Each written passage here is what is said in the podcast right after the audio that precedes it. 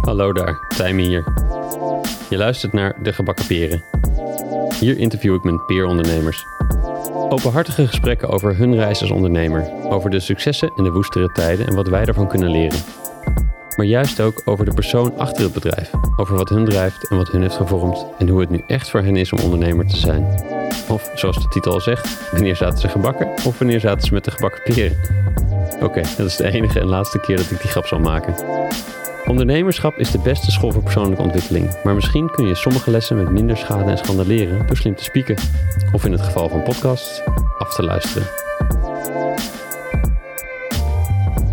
In deze aflevering is Rebel en IT-leiderschapsexpert Melissa Marijnen te gast. Melissa heeft samen met Linda Vermaat Professional Rebel opgericht. Intussen heeft ze het stokje overgedragen en heeft ze zich volledig gericht op de ontwikkeling van de leiderschapskwaliteiten van IT'ers in grote bedrijven.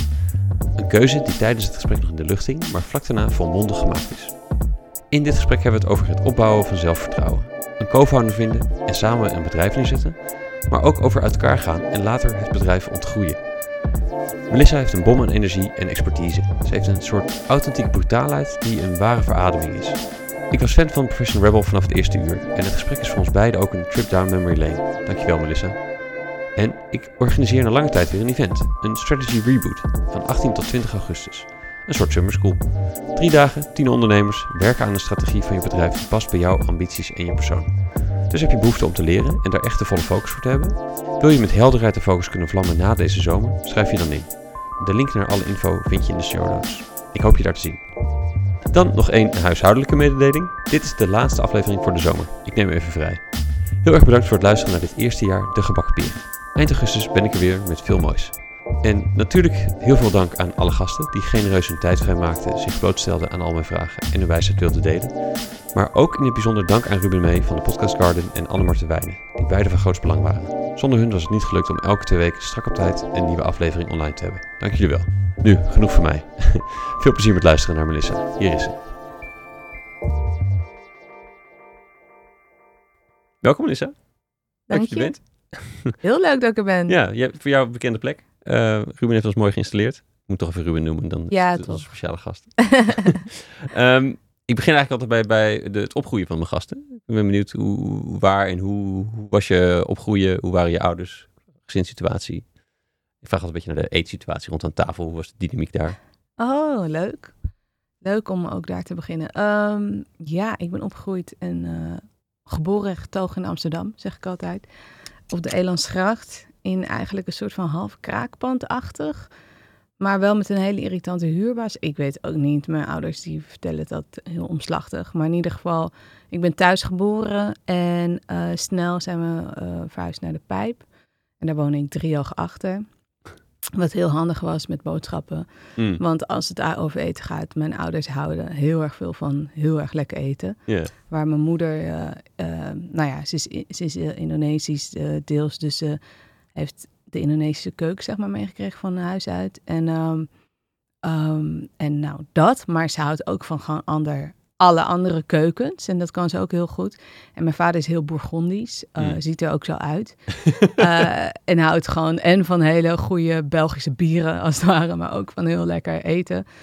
En ehm, dus we, dus en, en kind en heel veel boodschappentassen de, de, de trap op, eh, heel veel boodschappen op de Albert Kuip altijd gedaan. Dus tot mijn zesde heb ik in de pijp eh, gewoond. Ja.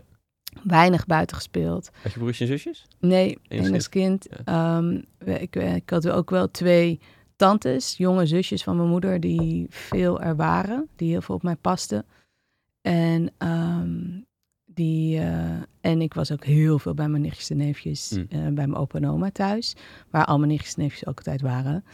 Dus, eh, dus ik, ken- ik ken wel het grote familiegevoel. Echt, familiegevoel is heel erg belangrijk ge- geweest eigenlijk altijd in mijn jeugd. En eet, samen eten is ook heel erg belangrijk. Dus ja, ons aan tafel sowieso heel niet Hollands. je ga je eten wanneer je wil eten. Ja. Als er bezoek is, eh, word je, is het uit en boos om ze weg te sturen zonder eten. Dus hè, eh, dat was even schrikken toen ik bij eh, vriendinnetjes thuis kwam en om zes uur wel echt werd verzocht om weg te gaan. Dat was wel echt een grote, ja, eigenlijk bijna een cultuurshock als klein kind. Ehm, heel veel mensen kwamen gewoon over de vloer. Eigenlijk echt een heel open huis. We zijn op mijn zesde verhuisd naar de Watergasmeer. Het was in één keer een heel groot huis. En konden we nog grotere etentjes, of konden Ja. ouders nog grotere etentjes organiseren. En ehm, eigenlijk toen de tijd dat je checks, eh, dan kon je die kon je inleveren. Dus eigenlijk rood staan, zeg maar, wat wij zien als rood staan of een creditcard. Dat waren toen checks en mijn ouders die gingen dat gewoon eh, bijna elke maand wel opmaken aan eten, zodat mensen bij ons kwamen eten. Het hele huishouden draaide om die eettafel heen. Bij, wijze van, ja. Ja. ja. eigenlijk wel. En, ehm en gezelligheid en veel mensen over de vloer. Eh, de andere kant is ook dat mijn ouders niet echt een hele goede relatie hadden. Wel heel, nou, zeg je dat? Eh, gezamenlijke interesses, reizen en eten en, en, en lezen en cultuur en dat soort dingen. Maar gewoon eh, een soort van tussen ging het eigenlijk helemaal niet zo heel erg goed. Hmm. En dat heeft heel lang, eigenlijk mijn hele jeugd, weet ik dat het gewoon niet goed ging. En op een gegeven moment gingen ze gelukkig scheiden. Ja, ja, ja, precies. Dat- was heel fijn. Ja, Maar dat duurde eigenlijk heel lang. Dus ik was 14, 15. eh, perfecte leeftijd ja. om in zo'n eigenlijk best wel dramatische situatie terecht te komen. Ehm, en dus je kan je ook wel voorstellen dat bij mij thuis was het juist heel fijn als er heel veel mensen over de vloer waren, waardoor het gewoon eigenlijk gezelliger werd ja. dan als we nou, op uitzonder, uitzonderende, uitzonderlijke momenten en periodes dat we het juist wel heel gezellig hadden met z'n drieën. Dat hebben we ook gehad. Ehm, maar dat, ja, liever meer mensen erbij, zeg maar. Je leidt een beetje af. Dan Ja. Niet op zichzelf toegewezen. Precies. En ehm, ja, verder in mijn puberteit eigenlijk, ehm, ja, was dat, werd, had ik op een, op een gegeven moment twee huishoudens, waar eh, mijn moeders eettafel ook nog steeds heel warm en eh, Ja. heel Indie, nog Indischer werd eigenlijk. En mijn vaders eettafel ook nog steeds.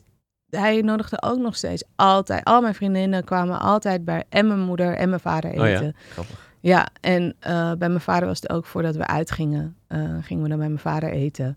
Met die Bourgondische bieren. Ja, ja, en nou ja, weet je, mijn vader die gaf ons ook wel echt tips over flirten en mannen en dat soort dingen. En, ehm, en, en hij kookte echt bijvoorbeeld, ik had eh, twee vriendinnetjes eh, eh, die Marokkaans zijn en die vonden de gewoon de couscous, of in ieder geval eentje daarvan, die vond de couscous lamschotel van mijn vader gewoon echt fantastisch. Trouwens, de andere ook. Ik kwam ook altijd eten. Ja, Dus, die, eh, dus dat zei altijd wel wat, hè. Dus mijn, het eten trok mensen echt. Ja, Het was ja. echt wel een goed, goed niveau, zeg nice. maar. Ja. Ja, en eh, ja, echt, ja. Nou ja, ja, wat ik zeg, de eettafel was heel belangrijk in mijn leven. Ja, ja. En hoe was jij als kind? Ehm, ik was, eh, ja, even kijken hoor. Het is eh, altijd een beetje, ik ben, dus ik heb echt drie verschillende basisscholen ge- gedaan en drie verschillende middelbare scholen. Dus ik heb, eh, zeg ik altijd, heel vroeg al lopen netwerken in Amsterdam. maar ehm, ik was, ik was in het, in, op, tot een bepaalde leeftijd, eh, en dat is dus eigenlijk best bepalend waar ik in ieder geval op school had gezeten, bepaalde best wel hoe ik was ook. Hm. Ehm, dus de eerste twee basisscholen, de eerste was op Nicolaas Maas in eh, Amsterdam-Zuid. Ja. En ehm, daar had je heel veel kinderen ehm, met, eh, hoe zeg je dat? Ja, single moeders Ja. eh, moeders die heel artistiek en academisch en dus eh, dat waren ook hele typische meisjes eigenlijk hun dochters en daar eh, was ik eigenlijk gewoon best wel een beetje stil en onder de indruk altijd Ja. Ehm, en later in de Watergasmeer zat ik eerst op een Montessori school en daar daar werd ik meer een muurbloempje eigenlijk en veel geknuffeld door de door de juf Eh, en daarna ging ik naar een ander, andere school. En toen was ik opeens, eh, ja, klinkt heel raar, maar een soort van queen beatje van eh, de klas. toen was ik gewoon, omdat ik nieuw was, Mhm. was ik gewoon iets nieuws. Dat was iets tofs. En shiny new object van de klas. Waardoor ik gewoon in één keer, ik had bijvoorbeeld zo'n, zo'n ehm, wat nu ook weer helemaal in is, zo'n fanny pack. Oh ja. En een, en een, en een, een, een kuif. Ja, dat was opeens even, heel even nog, toen het nog niet ordinair was, was het heel even heel erg in. Probeer het me voor te stellen. En, ja. eh, en eh, ja, en dat was gewoon zo nieuw en cool. Dat gewoon ik in één keer zo, ja, Melissa. Nou, dat was, had ik nog nooit meegemaakt. Ja. Eh, maar die aandacht beviel me wel als meisje. en dat heb ik eigenlijk nooit meer losgelaten. Nee, ik kan me Ja. voorstellen, je, wat je beschrijft, dat je echt eigenlijk non-stop in groepen hebt gezeten. Ook veel verschillende groepen. En, en wat heeft dat je gebracht? Eh, Hoe, hoe, daar, denk je dat je dat gevormd heeft en dat je dat nog steeds zo op een bepaalde manier, hoe je nu ook met groepen bent? Nou, dat is wel heel mooi dat je dat zegt, ja. Ik denk wel dat ik, denk wel dat ik eh, het, omdat ik in drie verschillende eigenlijk klassen en hoe meer ik erover leer, hoe meer ik zo'n klas echt, zo'n groepsvorm, dat is gewoon iets heel, heel belangrijks en vormends. Hmm. Ehm, en eh, als ik dan terugkijk naar de eerste twee keer, heb ik eigenlijk meer een soort van achterover geleund en geobserveerd en gekeken. En wist ik misschien de derde keer of zo ongeveer wel wat ik moest doen uh, of me, hoe ik me moest gedragen. Om, uh, om me in ieder geval zelf zo lang, of om mijn gemak te voelen. En, um, en dat ik eigenlijk steeds meer mezelf ben geworden. Dus dat ik in eerste instantie ja, misschien gewoon echt best wel echt onder de indruk was. En dat ik later gewoon steeds meer hoe ik thuis was ook uh, op school was. Ja, het is mooi. Het is niet dat je toen bij de derde keer het trucje had en dat je het trucje Nee. kon inzetten, dat je dat trucje werd of zo, dat je dat personage Ja. werd, maar dat je... Nou, het trucje is gewoon jezelf Ja, ja, ja, ja, precies. Ja, het is mooi. En dat wist ik de eerste twee. Ik kan me echt nog herinneren. Het is zo bizar dat je gewoon zo klein al zulke wijze dingen kan Hmm. uh, opvangen. Maar um, ja, ik kan me echt nog wel herinneren dat ik uh, bijvoorbeeld de tweede keer in de Watergraafsmeer ook weer heel erg onder de indruk was. En dan had je ook drie jaren in één. Dus dan was ik de jongste. En dan de oudste was echt drie jaar ouder of zo. Hè?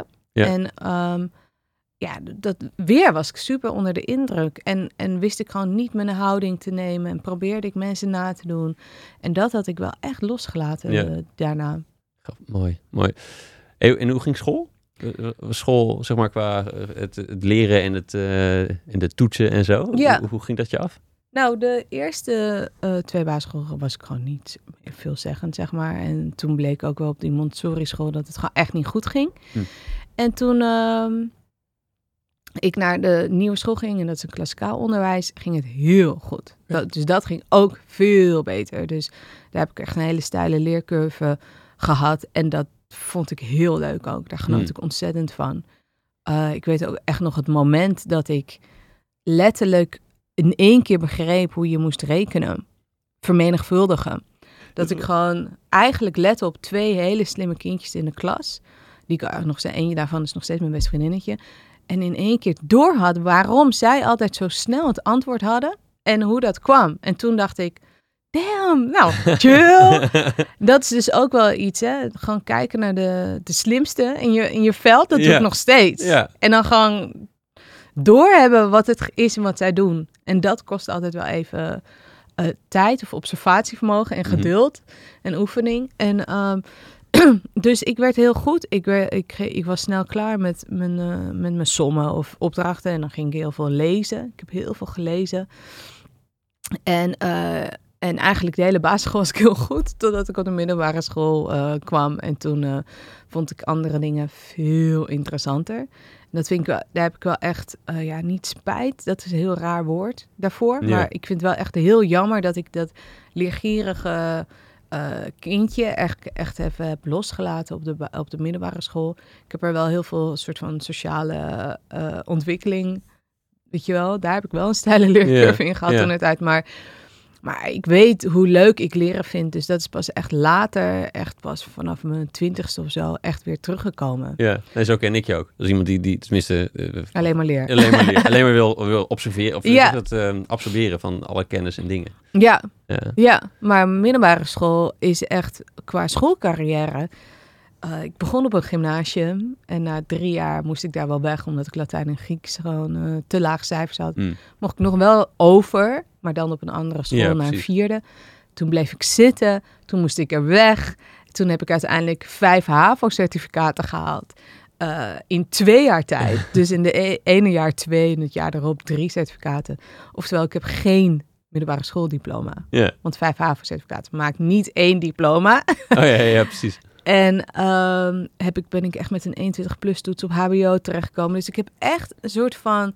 da, na, na, na, weet je wel? Het ging echt even qua leren in de formele zin, zeg maar in het formele Ja, systeem, helemaal niet goed. Nee. En jou, jou- waar ging jouw interesse wel heen? Ehm, eh, ja, echt het sociale leven. Dus, eh, dus wat ik. En ik was echt een, ook een dromer. En dan ben ik nog steeds wel. Dus ik eh, kon helemaal in mijn eigen wereld verzanden. En ja, weet ik veel. Eigenlijk het creatieve op een meest ja, gekke manieren. Mijn hele kamer was vol met plaatjes en weet ik het. En, ehm, en gewoon mensen. Gewoon echt, wie zijn er populair? En dat noemde je niet zo, want dat was natuurlijk super stom om het zo te noemen. Maar daar kwam het wel op neer, hè? Wat deden de coole kinderen? Hoe, hoe, hoe kan ik daarbij horen? En ik ging naar heel veel tweedehands winkels, hele echt creatieve outfits met mijn vriendinnen. En nou, we spijpelden ook heel veel. Hm. En ik zat ook op middelbare school tegenover Paradiso in Oh ja. Amsterdam. Ja, Barlees. Dat is echt wel qua locatie eh, geniaal. Als je gewoon ja, uit de Watergasmeer, veilige Watergasmeer, dan kom je in één keer daar. En dan, wauw, wat, Ja. is, wat is dit allemaal? Ja, dus ik was gewoon aan het ontdekken, veel aan het uitgaan. Met jongens uiteraard, heel veel Mm. bezig. Uh, maar, maar eigenlijk bijna net zoveel met, met meiden, weet je wel. En wat zij allemaal deden. En hoe, hoe zich dat allemaal verhouden. Was ik net zo goed mee bezig. Ja, ja, ja. En eh, wat voor een, ehm, hoe was het voor je dat, het- dat het, ehm, dat het dus, die, die, die, die hoe zeg je dat, die, eh, die, ehm, dat soort af, afbouwden van iedere keer een stapje dit, dit, dit, naar beneden voor je Ja. gevoel?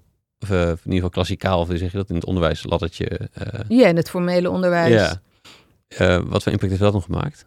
Nou, dat heeft wel een enorme kanaal in mijn zelfvertrouwen Ja. gegeven. Want ik zag natuurlijk andere eh, ehm, ja, vrienden gewoon dat wel doen.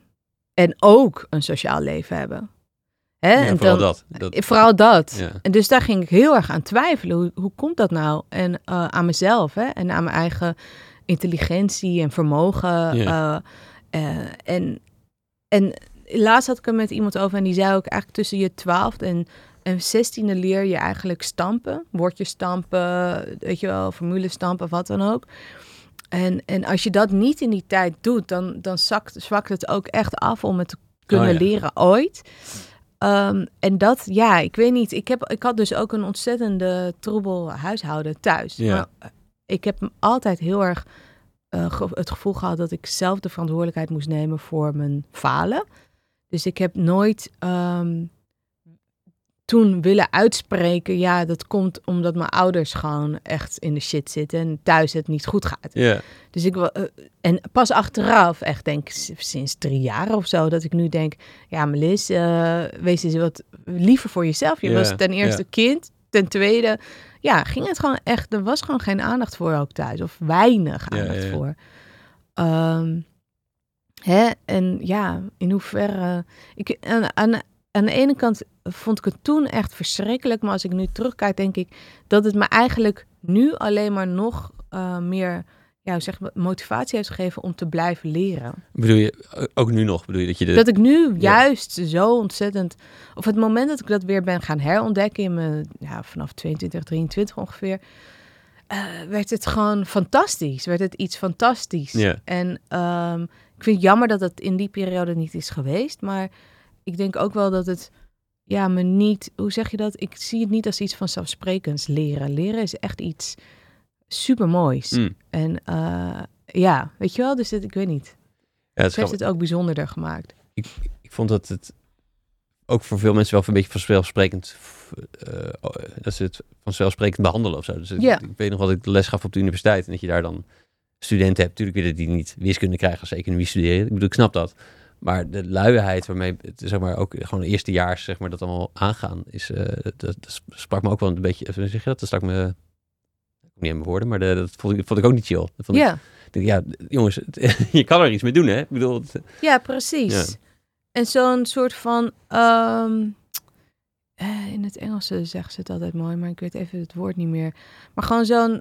Ja, eigenlijk het is gewoon een soort van verwendheid. mm, En ergens, als je het gewoon flipt, want rekenen bij economie. eh, maar eigenlijk is het gewoon een intellectuele uitdaging van je hersenen. Ja. Hè? En als je. En misschien voel je weerstand en ongemak, maar dat is juist vet. Dat je daar doorheen gaat, dat je dan op ontdekkingen komt, want dat is bij rekenen, weet je wel, bij uitstek. Ja. Eh, dat je dan in één keer het door hebt en het licht ziet. Ja, het is net zoals een bewijs van marathon lopen. Hè? Dat het is gewoon verschrikkelijk, maar aan het eind voel je je helemaal fantastisch. Ja, ja, precies. Ja, dus, maar in het moment is elk leren, zeker als het een beetje over persoonlijke ontwikkeling gaat, dan is het, is het in het moment helemaal niet fijn. natuurlijk. Nee. Dus, maar achteraf is het heel prettig dat je het doorgemaakt hebt. Precies, maar ik denk dus niet alleen bij persoonlijke ontwikkeling, maar dus ook bij dat soort hele heftige materie, of hele heftige, gewoon complexere materie voor je hersenen, om de juiste connecties te maken. Ja, dat is, dat is gewoon fantastisch. Mm. Eigenlijk vind ik. Dus daarom, ik vind het aan de ene kant wel heel jammer dat ik dat toen niet heb gedaan. Maar aan de andere kant, ik heb ook wel zulke bizarre dingen meegemaakt. Waar ik gewoon ook wel gewoon. Ja, ik ben gewoon niet opgegroeid in een ehm, standaard omgeving. En dat, dat stukje in mijn puberteit eh, was daarbij. Ja. Mijn vader die bracht me bijvoorbeeld na de scheiding. Elke maandagavond gingen we, of elke eerste maandag van de maand gingen we eigenlijk en uitgebreid uit eten en eigenlijk uit op een bepaalde manier. Gingen we naar een big band kijken in Meander. Eh, eigenlijk een soort van studentenbar, maar die big band ehm New Cool Collective. Ja. Een hele vette big band, bestaat nog steeds. En die, ehm, die ja, trad altijd op. En omdat ik maandag de eerste drie uur vrij had, dacht mijn vader, ah, weet je, gaan, dat doen we gewoon. En dan gingen we uit eten, eerst tapas eten en dan daarna daar naartoe. En, en dat soort dingen, dat maak je gewoon, dat maken niet heel veel Nee. jonge mensen mee. Nee. Dus je hebt ook heel veel andere dingen eh, werden, gebeurden wel. En die had je anders Ja. nooit zo... Nee, anders had ik die ruimte niet gehad om Ja. dat soort dingen eigenlijk mee te maken. Ja. Hey, na de middelbare school kwam dus een hele weg om, om toch op het eh, toch HBO te gaan doen. Ja. net, toch? Ja. Ja. Hoe, hoe heb je dat aangevlogen? Ja, dat was heel, heel grappig. Want dat was eigenlijk, ehm, dat ging mij super makkelijk af. Dat zeiden ze ook. Dus ehm, ik hoefde alleen maar, omdat ik wel een wiskunde certificaat, een Nederlands certificaat, hoefde ik alleen maar een soort van eh, gesprekje te hebben met een Oh. eh, docent, een heel lieve docent. En die ja, zei gewoon, nou, dit is wel echt iets voor jou. Laten we het gewoon doen. Ja. En, ehm, ehm, en, en maatschappijleer was voor mij inhoudelijk gewoon een hele logische keuze. Omdat ik maatschappelijk, maatschappelijk betrokken was. Het gewoon politiek heel interessant Ja. vond. Maar ook de samenleving, hoe mensen met elkaar omgaan. Ja. Het sociologische. Je ruimt helemaal met alle, hoe Ja. je net beschrijft. Ja. tussen al die groepen ja, precies. Het multiculturele. En Mm. maar ook levensbeschouwing. Nou, gewoon filosofie zit heel veel in. En, ehm, en, en dus dat ging me eigenlijk hartstikke goed af. Maar wat het allertofste was aan die opleiding, was het lesgeven. Mocht je daar al lesgeven? In, Ja. Als, al- ten tijde, het is een lerarenopleiding. Ah. En je moest vanaf jaar één voor de klas staan. Ja, ja, ja. Ja, en dat heeft bij mij eigenlijk zo'n switch gemaakt. Want hoe oud was jij en hoe oud waren de leerlingen Ik die was je les- 21, 22, 23, 24, 25, zeg maar zo ongeveer.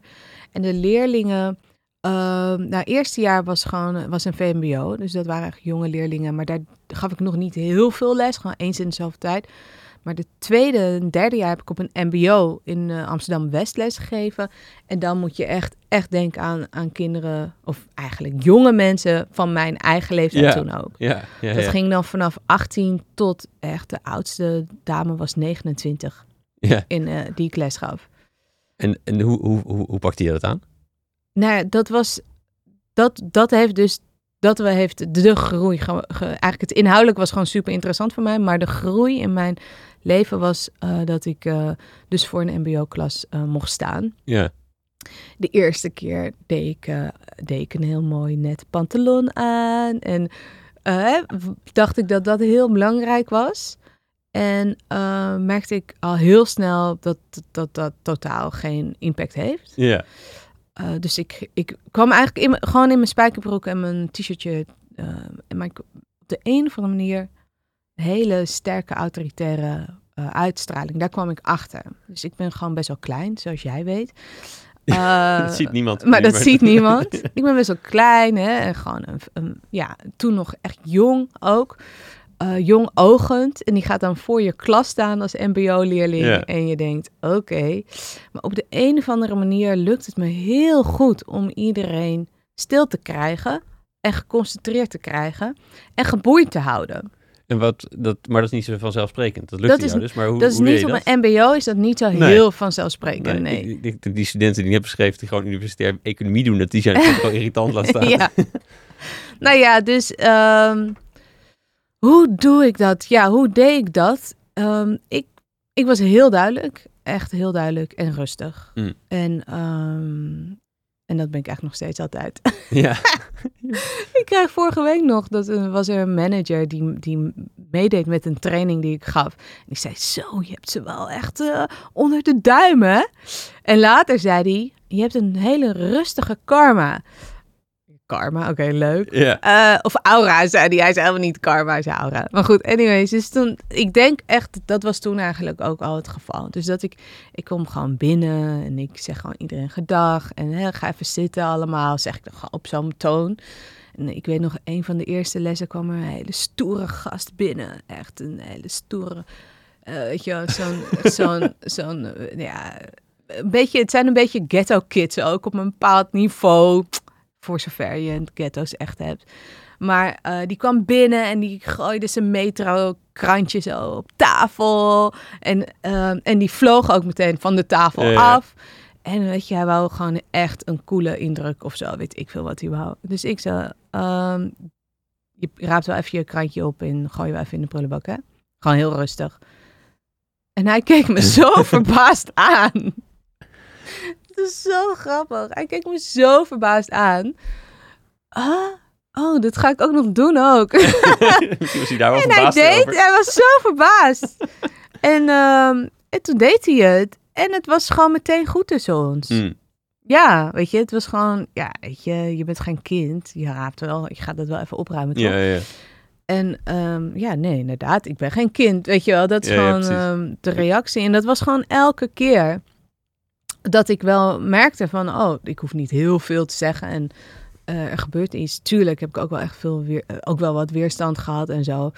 Ehm, maar de, de vakken, dat is het ook. De inhoud is ook heel leuk. Dus ik kon bijvoorbeeld een opdracht geven over, hè, over gewoon wat ik heel leuk vind. is Gewoon een opdracht geven hoe, wat jij eigenlijk net deed. Gewoon hoe ben je opgegroeid? Welke invloed heb je gehad in je leven? Wat heeft jou gevormd? En op die manier de, co- de connectie maken met de maatschappij. En, en wat er allemaal gebeurt op dit moment. En hoe jij daarin staat in jouw overtuigingen. Het is eigenlijk gewoon wat ik nog steeds doe in mijn, in mijn trainingen. ja. Eh, dus dat was wel, dat was gewoon super vet. ja, vet. Ja. Schappig, ja. ik, ik zie het, stel me zo voor dat de meeste leraren dan een beetje in de dictatormodus schieten. Als in, dat is de enige manier om die kids onder de duim te krijgen. Dat is een soort zo'n reflex. eh, Ja, nou ja, en dat is ook wel uh, om nog één keer een compliment aan mezelf te geven. Nee, uh, um, Daar dat is podcast voor hoor, dus dat is zo erg. Nou ja, dit is wel een van de weinige dingen waar ik echt super trots op ben. En één, één ding wat daarbij is, dus die dame van 29. Ja, Um, die was moeder, die had drie kiddo's. En die uh, zat dus in die klas om eigenlijk, eigenlijk echt nog even de mbo-diploma te halen. Zodat ze wel meer mogelijkheden had. Maar de andere kiddo's waren gewoon veel, of, uh, leerlingen, die waren veel jonger. En die waren veel minder serieus dan zij. En Ja. in heel veel lessen stoorden ze zich daar heel erg aan. En toen kwam ze naar me toe, zei ze, ja, ja, jij bent van de nieuwe docenten. Echt, heb jij echt grip op de klas? Um, andere docent, een uh, man, die zag ik altijd. Uh, ik heb nooit met hem gepraat. Ik weet ook niet waarom, maar volgens mij, de, ik denk niet dat hij dacht dat ik een docent was. Uh, die kwam altijd vol in pak en die was een zijinstromer. Dus die kwam uit het bedrijfsleven, nog lesgeven in MBO. Vanuit een idealisme, weet je wel. Ja, ja, ja. Heel, heel cool. Maar hij had heel veel weerstand en chaos in zijn klas. En hij kwam dus altijd in pak. En dat had ik juist helemaal losgelaten om me formeel te kleden. Want daar lag het gewoon niet aan. Nee. Het is nep, daar prikken leerlingen direct doorheen. Uh, en daarom blijft het me verbazen dat dat nog steeds op de Zuidas iets is. Want daar prik je toch doorheen. Maar goed, maakt niet uit. Um, en, en toen uh, zei zij dat. En, toen, en zij zei echt letterlijk, hij hè, kan dat gewoon niet. En jou lukt het elke keer wel. En daar wil ik toch even het moment voor pakken om je te complimenteren. En dat is eigenlijk echt het allermooiste compliment dat ik ooit, ooit heb gehad. Gewoon. Dat is moeilijk te overtreffen, ja. Ja, toch? Ja. Ik zei, yes! En je had hem moeten zien, een foto van mij. Echt zo'n jong meisje. Ik lijk wel 16 bij wijze van, weet je wel. Dus dat, wel, dat was heel cool. Cool. Ja. Cool.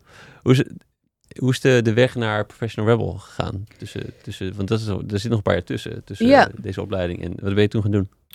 Ehm, nou ja, een beetje in vogelvlucht. Ik heb nog zes maanden in Suriname lesgegeven. Hmm. Eh, en dat was echt fantastisch. Ik heb eh, daarna nog eh, best wel relaxed gedaan over het schrijven van mijn scriptie. Dat is een mooi understatement, ja. Mooi eufemisme voor je. een HBO-scriptie, hè? Dat is echt Oh, die kunnen het lang sturen van allemaal. hoor. Ja, precies. Dat is echt heel grappig. Eh, en dat ging wel echt ook over het verschil tussen maatschappijlen in Suriname en maatschappijlen in Nederland. Dus dat Ja. was heel tof om, eh, om te doen. En ehm, eigenlijk in Suriname is het mm, in ieder geval op VWO-niveau nog wat academischer of zo. Academische artikelen. Eh, en natuurlijk gewoon veel relevanter voor daar. eh, qua inhoud. Ja. En even kijken. Daarna ging ik eigenlijk nog eh, lesgeven in Lelystad op een middelbare school. Oké. Daar heb ik op VWO en VMBO-niveau lesgegeven. Dus twee totaal verschillende niveaus. Dat was heel erg tof. Echt, heeft me ook ontzettend verrijkt. En toen eh, dacht ik, ja, ik wil toch doorstuderen. Ik wil toch een WO, eh, ik wil toch een universitaire diploma. En niet per se voor het diploma, maar voor de ervaring. Ja. Ehm, ik miste toch dat leren Hmm. weer. En ik dacht, dat is nu mijn kans. Het was geen bewijs om aan te, aan te geven, fuck it, ik kan dat echt wel. Nee, ergens voor mezelf, maar ik had al een gesprek gehad twee jaar daarvoor met mijn vader van, hey, ik denk niet dat ik een universitaire diploma ga, halen, opleiding ga doen. En toen zei ja, maar dat, eh, sorry, weet je, ik vind het echt wel vervelend om met jou, om jou te vertellen dat ik dat niet ga doen, want jij hebt altijd gedacht dat je dochter dat ging doen. En toen zei nee, ben je gek? Je moet gewoon doen wat jij wil. Dat is echt niet nodig. Uh, om mij, weet je, je moet gewoon echt precies doen wat je wil. En toen, uh, ja, eigenlijk heeft me dat het losgelaten. Dus toen ik het ging doen, was het echt puur en alleen voor mezelf. En wist ik ook, ik word de meest grote nerd in die, het hele collegezaal. Want ik wil gewoon de meest, ik wil het gewoon eigenlijk zo optimaal benutten, uh, deze hele ervaring. Uh, en dan niet qua studentenleven, maar qua studeren. studeren. Goed. En, uh, en dat heb ik ook gedaan. Ik Je was een beetje die dame van 29 in de klas met al die... Uh... 100 procent. Ja. Ik was 27. Ik heb echt elk artikel altijd gelezen voor elk werkgroep. Uh, met highlights. Ik wist de antwoorden. En ik was helemaal nog niet zo goed in schrijven van essays of iets dergelijks. Want ik had die, op, die training nog helemaal niet gehad.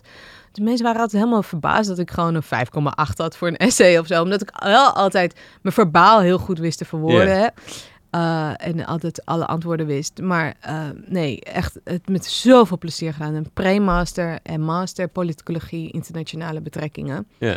Uh, ja, echt fantastische tijd, ja. ja. En daarna? En daarna eigenlijk... Um, tijdens de opleiding kwam ik er wel achter wat er miste in WO, namelijk praktische mm. ervaring opdoen. Yeah. Hè, zoals je wat je op HBO wel doet. Dus toen uh, had ik het idee, mijn scriptiebegeleider, die had uh, best wel veel ervaring in lobbyen in Brussel. En was een oudere man, rond de 60, 65 of zo, lobby in Brussel en fondsen werven. Yeah. Dus toen had ik hem, had ik op de fiets naar hem om een koffietje te doen, hè, want zo was ik wel al. Ik ging wel best wel netwerken. Yeah. Ik merkte al dat dat wel belangrijk was. Uh, en toen zei hij van, uh, zei ik eigenlijk tegen hem, nou weet je, ik heb bedacht net op de fiets dat ik uh, trainingen wil geven in praktische uh, practical politics heet het uiteindelijk, praktische politieke yeah. vaardigheden. Uh, wil jij mij helpen daarmee of wil jij de trainer zijn? Want uh, ik had helemaal niet per se de kennis, maar hij wel. Dat was natuurlijk geniaal. Hij had 30 jaar ervaring ja. daarin. Dus toen uh, zei hij, ja, leuk. En ja, hij, hij, vertelde dat dus altijd dat ik het hem soort van opdraagde om dat te gaan doen. volgens, mij, volgens mij vond hij het ook wel echt leuk om met Erg mij goed dat in de overtuigingskracht. Ja. ja, zoiets. En toen zijn we dat gestart. Dus dat was mijn eerste, ik zeg altijd toko. Dus eigenlijk eerste winkeltje, eerste eerste keer dat ik iets verkocht was een ticket naar een training voor, voor uh, lobbyen in Brussel. Uh, voor non-profits. eh, organisaties. eh, hele goede doel, hele duidelijke doelgroep. En, en politicologie studenten of ex-studenten. Dus die twee. Ehm, en, die, en dat duurde dan een dag. Deden we in de UB in Amsterdam. En ehm, eh, op de een of andere manier had Peter Sluiter, zo heette die man. Of zo heet hij.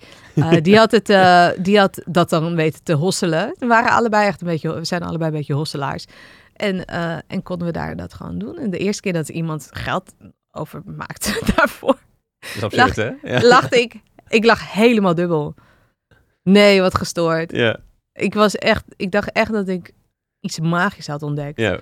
Wat, hoe- wat was het voor jou dan? Dat, dat, ehm, krijgt wel eens geld binnen. Wat, wat, en wat, wat, wat maakte je daarvan? Wat, wat betekende dat? Het betekende. ehm, het betekende dat je, als je dus gewoon maar iets bedenkt, een construct, iets gewoon zelf bedenkt. Het is nog, helemaal, het is nog helemaal niks. Nee. Het is misschien een websitepagina, iets, maar verder niks, Ja, weet je wel. HTML, dat is ook niks. Het is gewoon idee in je hoofd. Het Ja. is gewoon lucht. En eh, het, is nog, het heeft nog nul plaatsgevonden en iemand betaalt je er al voor. Nou, dat was echt geniaal. Ik Ja. vond het echt super, super geniaal. Ja. Je zei dat was je eerste toko, maar ehm, ik kan me haast niet voorstellen dat je niet al dingen in die hele periode daarvoor ook al ontplooide, neerzette of bij elkaar bracht. Of, of... Mm. Ja, nou ja, eh, het eerste wat me te binnen schiet is dat ik een vrouwenclubje was gestart. Oh jee.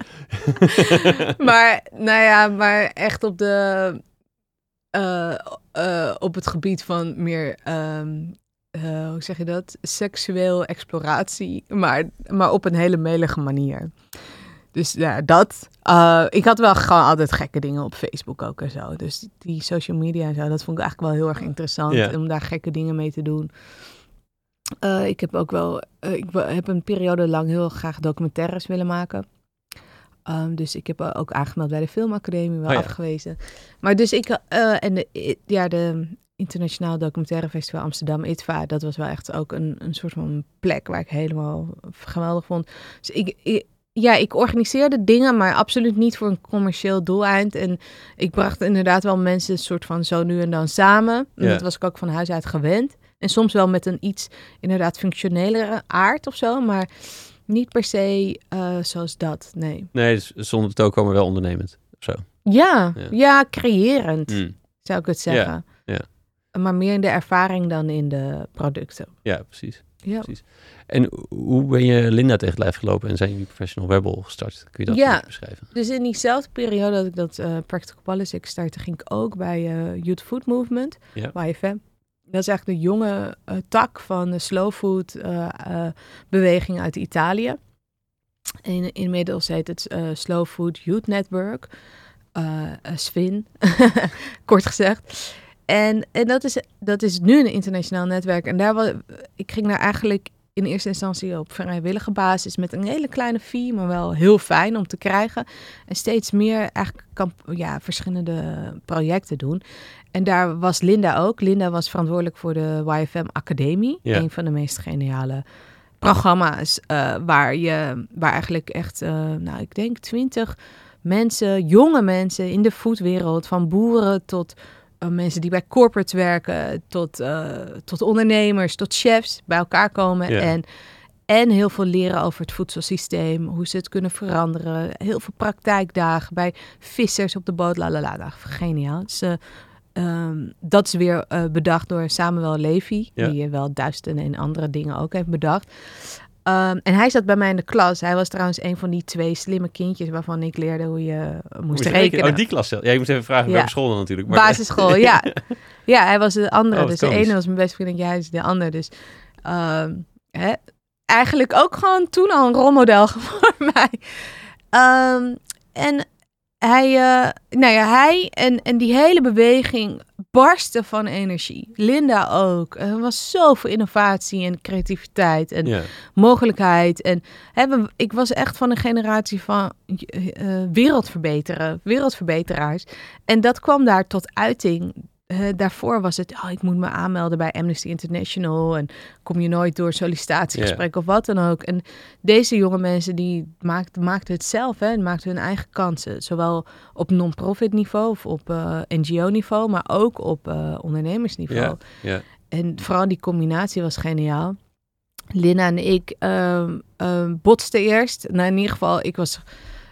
Dat vind jij misschien ook wel heel grappig, maar ik was te aanwezig voor haar smaak. Terwijl zij echt hilarisch aanwezig is. Tuin kniks. Ja. dus dat, maar dat was ook, klopt ook. Dus wij botsten omdat we gewoon allebei aanwezig waren. En daarna klikte dat juist. Je waren allebei gewend dat te, te zijn waarschijnlijk in de groep, denk ik. Ja, en er waren wel meer mensen mm. uh, bij de wifi. Ja. En dus dat was ook wel heel vet daaraan. Het barstte echt van energie. Mm. En, um, en het heeft zoveel spin-offs gehad ook. Er zijn zoveel dingen daaruit gekomen. Echt zoveel meer. Uh, de, de food line-up ook. Zo'n hele goede line-up op festivals van, uh, van uh, voedselondernemers. Daar goed. Zoveel meer. Maar goed, uh, Lynn en ik raakten aan de praat. En ik ben gewoon altijd geïnteresseerd in leren. En, en dus die energie die daar loskwam, die ondernemerschap, vond ik ook vet. Heel vet. Dus toen zei ik, Linda, ik wil iets met leren over dit type ondernemerschap. En volgens mij zit jij, vind jij dit ook interessant. Want ze had zoiets laten vallen in een vergadering. Um, en, uh, en, en toen dacht ik, ja, met, met jou moet ik eigenlijk dit gaan doen. Je hebt ook de academie opgezet. En, uh, en, en uh, ik weet nog wel dat we in de OBA, ik nog super goed, ik dit zo met haar besprak. Hè? En toen gingen daar een koffie doen en ik besprak dit met haar. En zij zei echt, oh, dan moet ik nu David Klingen bellen. Nou, een gast die ook allemaal hele vette dingen heeft gedaan inmiddels. Uh, maar die, uh, die ging ze meteen bellen om gewoon meteen te vragen van, hè, wat vind je van dit idee? En toen dacht ik, dit miste ik. Hè? Die mm. actie, meteen in de actie, meteen gaan, meteen mensen bellen, hulp vragen. Hè? Dat, hoeveel ondernemers doen dat nou? Of mensen die denken. En dus ik was veel meer van het ah, denken, denken, denken, Yeah. uitdenken, denken. En zij was echt meteen... Hè, ik ging wel met haar koffie drinken, maar zij ging nog een stapje verder daarin. Um, en toen zei ik, ah, oh, ik wil dit met jou doen. Zei ze, nee, slaap er nog een nachtje over. Toen zei ik, Linda, ik hoef hier echt niet meer een nachtje over te slapen. Ik wil met jou dit doen. En toen, uh, en toen zijn we eigenlijk gewoon een paar keer per week gaan meeten. Mensen gaan interviewen, daarover gaan bloggen. Ja, ja, Zo waar, ontstond ja. eigenlijk een soort van ja, onderzoek naar wat we gingen doen. Ja, schat, ik herinner me dat nog, ja. Um, maar wel komisch, dus wel nadenken, maar wel ook snel beslissen.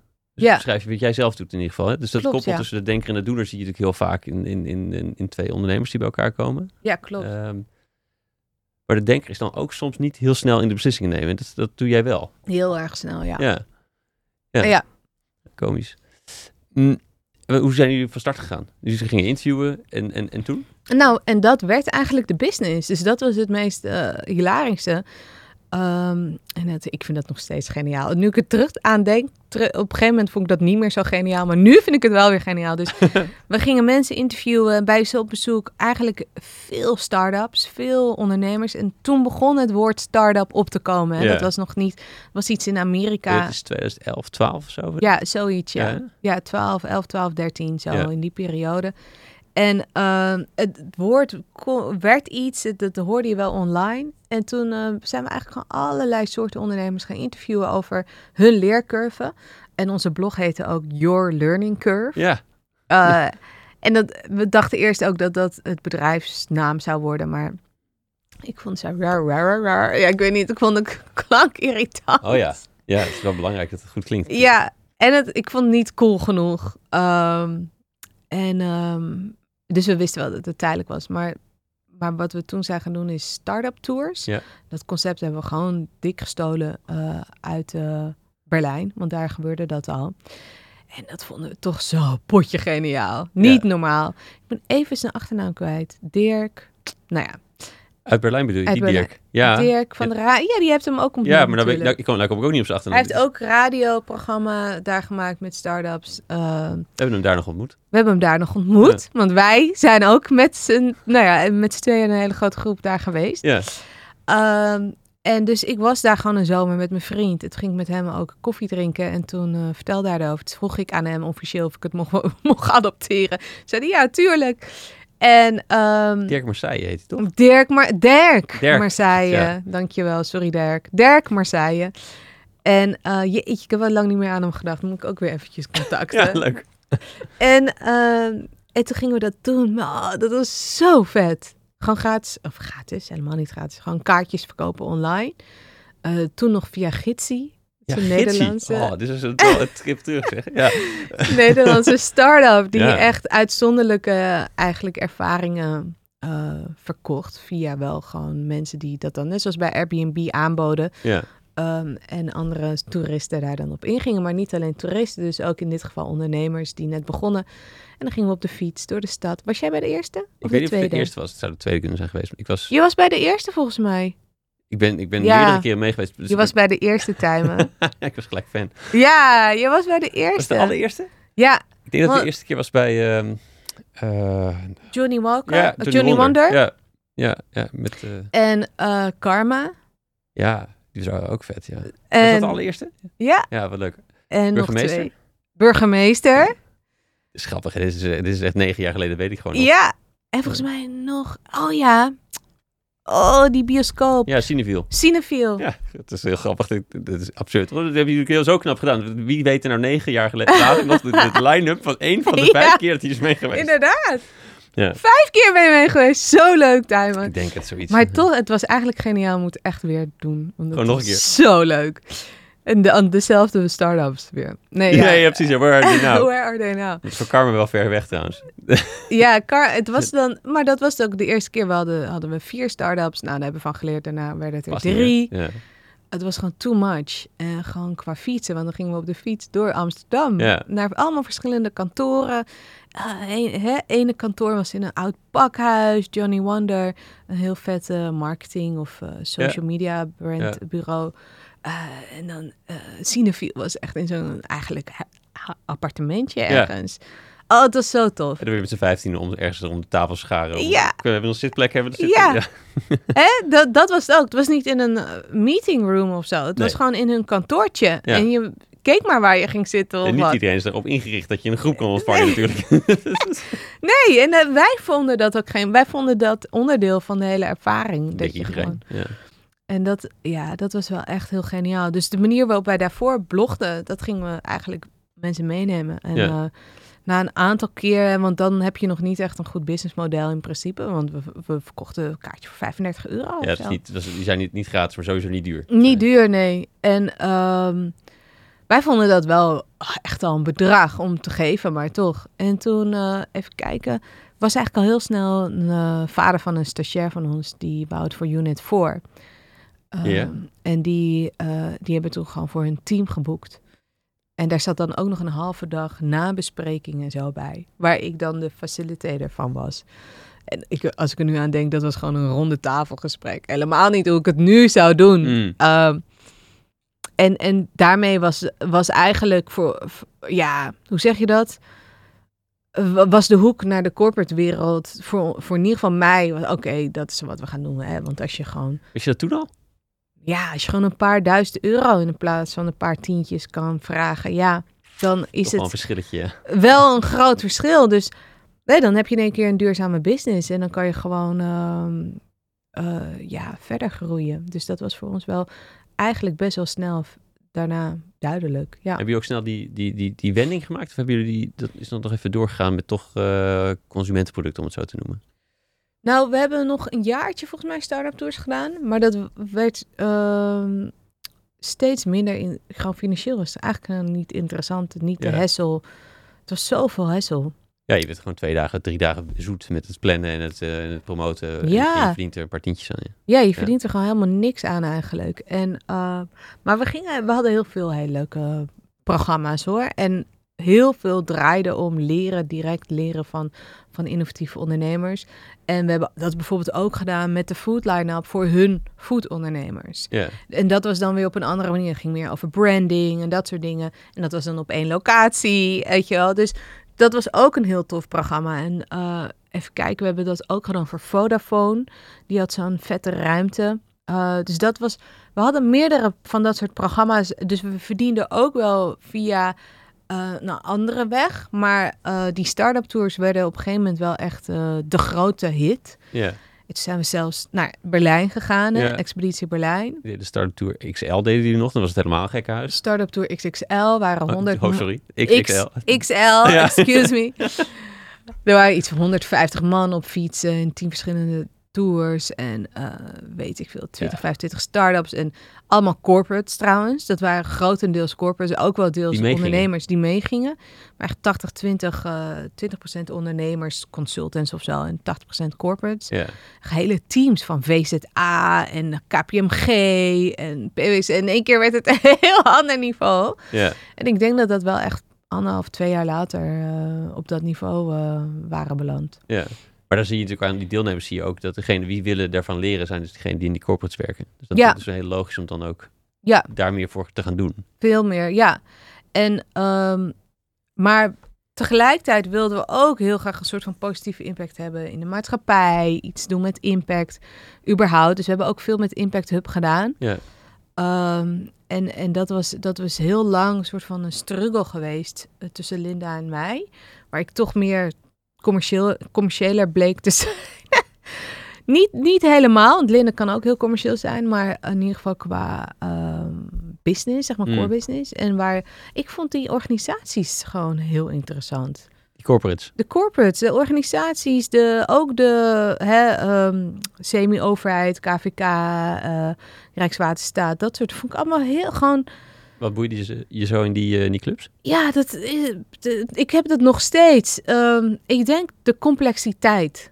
Uh, de complexiteit van.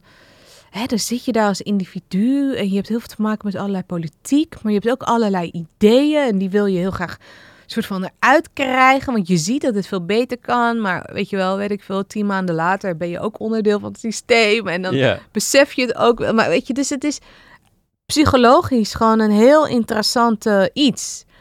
Um, en hey, aan de andere kant ben ik blij dat ik er niet in zit. Maar als buitenstaander vind ik het systeem en de individuen en vooral zoals in politicologie noemen ze het agency. Ik Ja. vind dat nog steeds een heel tof woord. Dus eigenlijk de invloedssfeer die je hebt als individu op het systeem. Ja, dus ik, ik misschien benader ik het heel abstract theoretisch, maar ik, maar ik zie het ook gewoon dat mensen als individu ontzettend veel impact kunnen hebben in zo'n organisatie en dan ook dus op hun klant. Dus ja, dat alles als ik daarover, ik lees daar ook gewoon vet veel. Ik blijf gewoon heel erg geboeid. Dus toen ik zo'n Unit 4 team met allemaal managers in pakken op fietsen door Amsterdam en hun zie leren, maar het ook niet begrijpen. En ook heel erg struggelen met hoe ga ik dit in godesnaam dan toepassen. Ja. Hè, het moest het liefst een hapklare brokken. Geef me gewoon iets hapklaar brokkerigs, zodat ik het meteen kan inslikken en het effect heeft. Maar zo werkt leren natuurlijk niet in een complexe uh, omgeving. Nee. En uh, ja, dat vond ik wel echt uh, de, het ongemak wat ze ook hadden. Dat vond ik gewoon, dacht ik, oh, dit moeten ze meer hebben. Daar gaan ze echt bij gebaat zijn. Ja, ja. En je beschreef toen we even belden van tevoren over, het, uh, over wat personeel opeens deed. Dat je opeens iemand in dienst had zoals Max, die, die denkt, oh, dit gaan we gewoon zo doen. En dat je denkt, oké, okay, klinkt goed. En ja. je toch ervoor een beetje, okay, we, we, we zetten het gewoon maar neer. We doen net alsof het heel veel is. Ja. Kun je die, dynamiek een beetje beschrijven? Ja, zo, ik noem het, de eerste fase was echt fake it till you make it. Dus inderdaad, we doen het gewoon en uh, oh, ja hoor, het is echt iets. Uh, en de tweede fase was, wat, was meer een team. En, um, maar wat ik ook wel zei aan de telefoon is dat Max Verloop, die mm uh, um, oh, hij werkt nu bij TNO, mm. um, die gaf ons heel veel zelfvertrouwen. Of gaf mij heel veel zelfvertrouwen. Uh, niet direct of zo, maar gewoon doordat hij überhaupt bij ons met iets, ons, met iets, iets met ons wilde doen.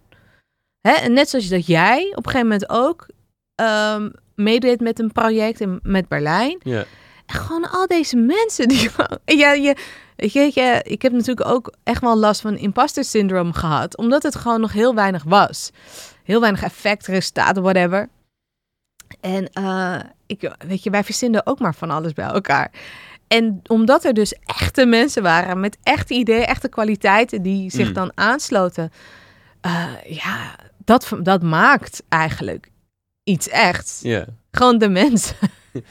Ja, en jullie hadden dus stiekem al wel wat, maar dat, hè, dus dat, het, wat het, dat trok al die mensen aan. Ik Ja, dat- dus dat- er was een aan- als wat je beschrijft, die eh, youth, food move, youth food movement. Ja, eh, sfeer, energie en zeg maar. En het bij elkaar brengen van al die. En al die, al die ondernemers zo gek krijgen dat ze daar eh, hun kantoor openstelden en zo. Ja. En, dus jullie deden als natuurlijk dus een hele hoop. Dat was, ja. ja. dat is ook zo. Maar dat, ja, maar dat, kan je, dat kon ik in ieder geval helemaal downgraden. Heel vaak hoor. Echt heel, waren echt denk ik één of twee keer per week.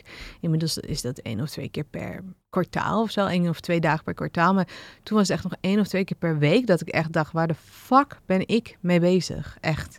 Dit slaat helemaal nergens op.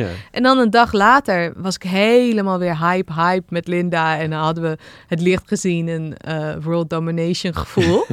Ja. Ehm, maar dat, dat, ging, dat ging echt met enorme ups en downs in die Hmm. periode. Dat kan ik me nog wel heel goed herinneren. ja. Hoe gingen jullie daarmee om?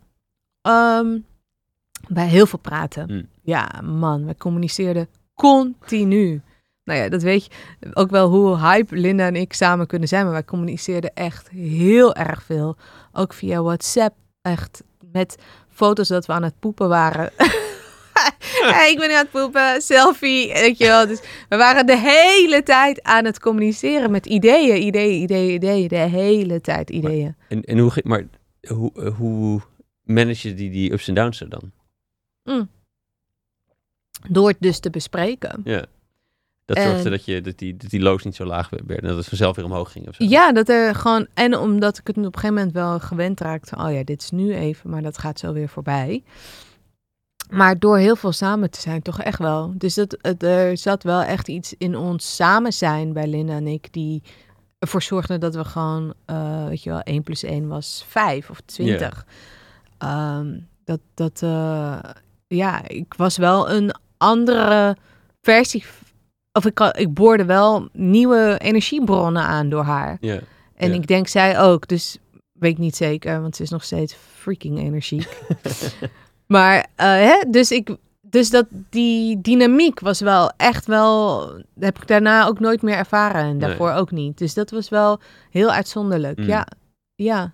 Mooi. Ja. Maar toch uiteindelijk dus niet eh, eindeloos. Die, die, die- Nee. hoe, wat, wat, wat, hoe, wat, hoe dreef, wat dreef dat dat jullie toch uiteindelijk besloten eh, uit elkaar te gaan? Ehm, nou, kijk, ik kan niet echt voor Linda praten hè, hoe het bij haar is verlopen, maar eh, het, de we- wens was de, de behoefte om iets anders te doen lag meer bij haar dan bij mij. Mm. En ik voelde dat wel eh, meerdere keren. Zij is wel, ja, gaf ze zelf aan iemand die ja, gewoon snel wel weer iets nieuws wil. I- eh, verveeld kan raken en gewoon iets anders wil doen. In ieder geval in die tijd, in die fase van haar leven. En ze had gewoon heel veel ambitie. En op een gegeven moment waren we wel echt wel een beetje een productiehuis aan het worden. Hè? Dus gewoon die start-up tours en grote evenementen. En ehm, was het inhoudelijk wel wat minder interessant. Ook voor mij hoor. Mm. En daar heb ik daarna wel echt wel een stap in gemaakt. Maar toen zij er nog was, was het wel echt gewoon, ja, nee, het, het is wat. We hebben echt van alles bedacht. Misschien worden we wel een mediabedrijf. En dat was ook omdat, om het voor haar weer interessanter te maken. Ook voor mij, maar ik had daar iets meer geduld in. Ja. En weet je, dus wij hebben wel op een gegeven moment bedacht, we worden echt een media. We gaan gewoon heel veel, en net zoals One World of zo. We gaan gewoon heel veel content maken.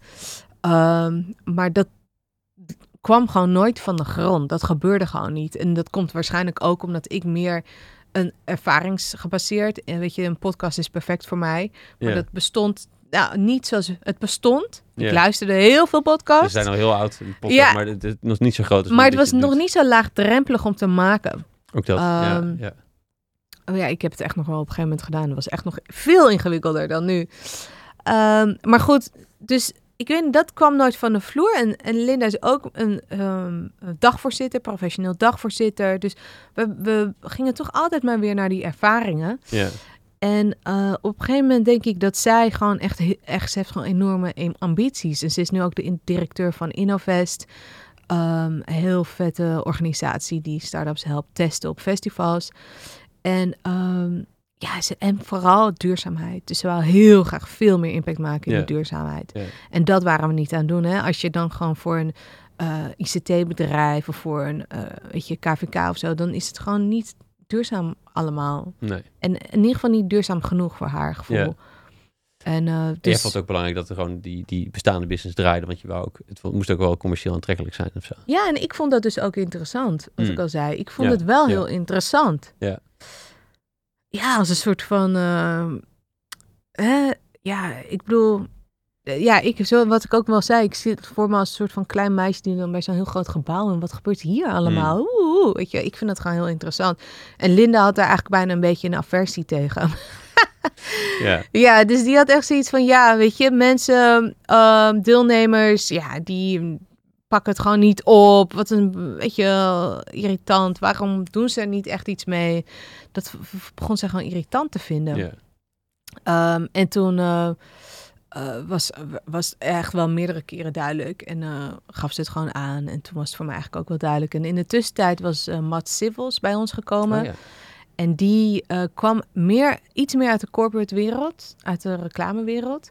En, ehm, en die bracht ook een hele hoge professionaliteit met zich mee. Dus onze offertes werden veel professioneler. Onze weet je, presentaties en trainingen en propositie en website. ah, Weet je, alles werd wat een stuk professioneler. Hij is nog steeds, hij is absoluut geen slikke Harry of weet ik het. Maar eh, met heel veel creativiteit erbij. Dus het was, was een hele goede match. Um, en toen zag Linda ook wel, ja, die kant moet Professional Rebel ook gewoon uit blijven gaan. Hè? Meer de corporate kant en de grote organisaties helpen. Want daar kunnen ze echt opschuddingen eh, leveren. Um, maar dus, dus ja, was, had zij zoiets van, nee, ik moet echt even een andere stap gaan maken. Ruimte daarvoor maken. Hoe hebben jullie dat toen afgewikkeld? Ja, dat is een heel lang proces geweest. heel lang en best wel emotioneel proces geweest. Ehm, met eh, miscommunicatie en fouten en gebeurens. Eh, ja, ik eh, heb het de keer daarna... Want Mats, die ging op een gegeven moment mij ook verlaten. Maar dat is allemaal helemaal heel erg logisch geweest, hoor. Maar ehm, nee, dus de keer daarna hebben we... Met Mats en ik hebben we daar heel veel van geleerd hoe we het niet moeten doen. Um, en ik denk een van de dingen is dat je gewoon heel erg vanuit je eigen behoeften moet denken. Dus wat ik deed is dat ik heel erg vanuit de anderen ging denken. Mm. En dat is echt de fout die ik nooit meer wil gaan maken in zo'n proces. Dus je moet echt heel erg, wat wil ik hier uithalen? Mm. Wat vind ik rechtvaardig? En, um, en vanuit daar de onderhandeling in en dan het gewoon zien als een zakelijke onderhandeling. Mm. En ik zag het echt als een emotionele afscheid. Hè? Ja. En ik wou uh, dat op de meest positieve manier doen. Zoals hè, ouders die gaan scheiden en denken, we moeten wel als vrienden uit elkaar gaan. Um, maar daardoor ontstond eigenlijk ruis over de echte onderhandeling. Of tijdens de echte onderhandeling. Ja. De anderen weten ook niet zo goed wat jij dan wil, waarschijnlijk. Nee, ik was gewoon heel erg ook andere gesprekken aan het voeren. Weet je wel? Dus ik was ook uh, ja, heel erg aan het meedenken uh, met Linda en vanuit haar perspectief. En dat was voor mijn business helemaal niet logisch. Dus dat ging gewoon echt even mis. Dus dat zou ik nooit meer uh, op die manier aanpakken. Ja, dat klinkt ook wel als ook belangrijk, toch? Om het, om het, het, het contact en de, de, de relatie ook, ook af te wikkelen. Het moet daar, daar ja, zeker. Maar dan dat moet je eigenlijk knippen mm. van het zakelijke. Ja, precies. Dus het, hè, met z'n tweeën denken, hoe gaan we dit afscheid nemen? Uh, en dat hebben we dus ook niet goed kunnen doen. Mm. Dus we hebben helemaal nooit echt een goed afscheidsfeestje kunnen geven. Uh, dus dat is gewoon heel erg jammer geweest eigenlijk. Ik zal een reservering maken voor jullie voor in Nederland. nou, we zijn, we zijn uiteindelijk wel, uh, toen het echt helemaal rond was, met z'n tweeën uit eten gegaan. Mm, um, en echt ja. goed gepraat. En inmiddels zijn we gewoon weer hele goede vriendinnen. Ja. Dus dat is heel fijn, godzijdank. En Belleka is eigenlijk weer gewoon een sparringspartner voor mij. Ja, wat fijn. Ja. Van de week heb ik er nog gebeld en gaf ze me allemaal input over hoe ik het allemaal moest gaan doen. Dus dat is heel leuk. Ja. Hoe was het, hoe was het daarna om alleen aan het roer te staan? Nou ja, ik stond dus niet alleen. Oh, en Mats, Mats ja. werd echt uh, eigenlijk direct mijn businesspartner. Maar die is je ook gaan verlaten op een Ja, de bitch. Nee hoor, gauw je maat. Nee, uh, nee dat, was, dat, was, dat, dat was wel nadat we uh, Professional Rebel naar een nieuw niveau hebben getild. Ja. Dus we zijn toen heel erg gaan inzetten op echt meer leiderschapsprogramma's, langdurige programma's, zodat we meer uh, echt voor een transformatie konden zorgen. Um, Zo'n start-up tour is echt meer inspirerend. En we zijn echt heel erg gaan ontwikkelen in, in leerervaring, leertrajecten die ja, eh, je echt uitdagen op, uh, moet ik even na, goed weer terug te halen, drive, discipline, ehm, jeetje, curiosity, courage en nog eentje.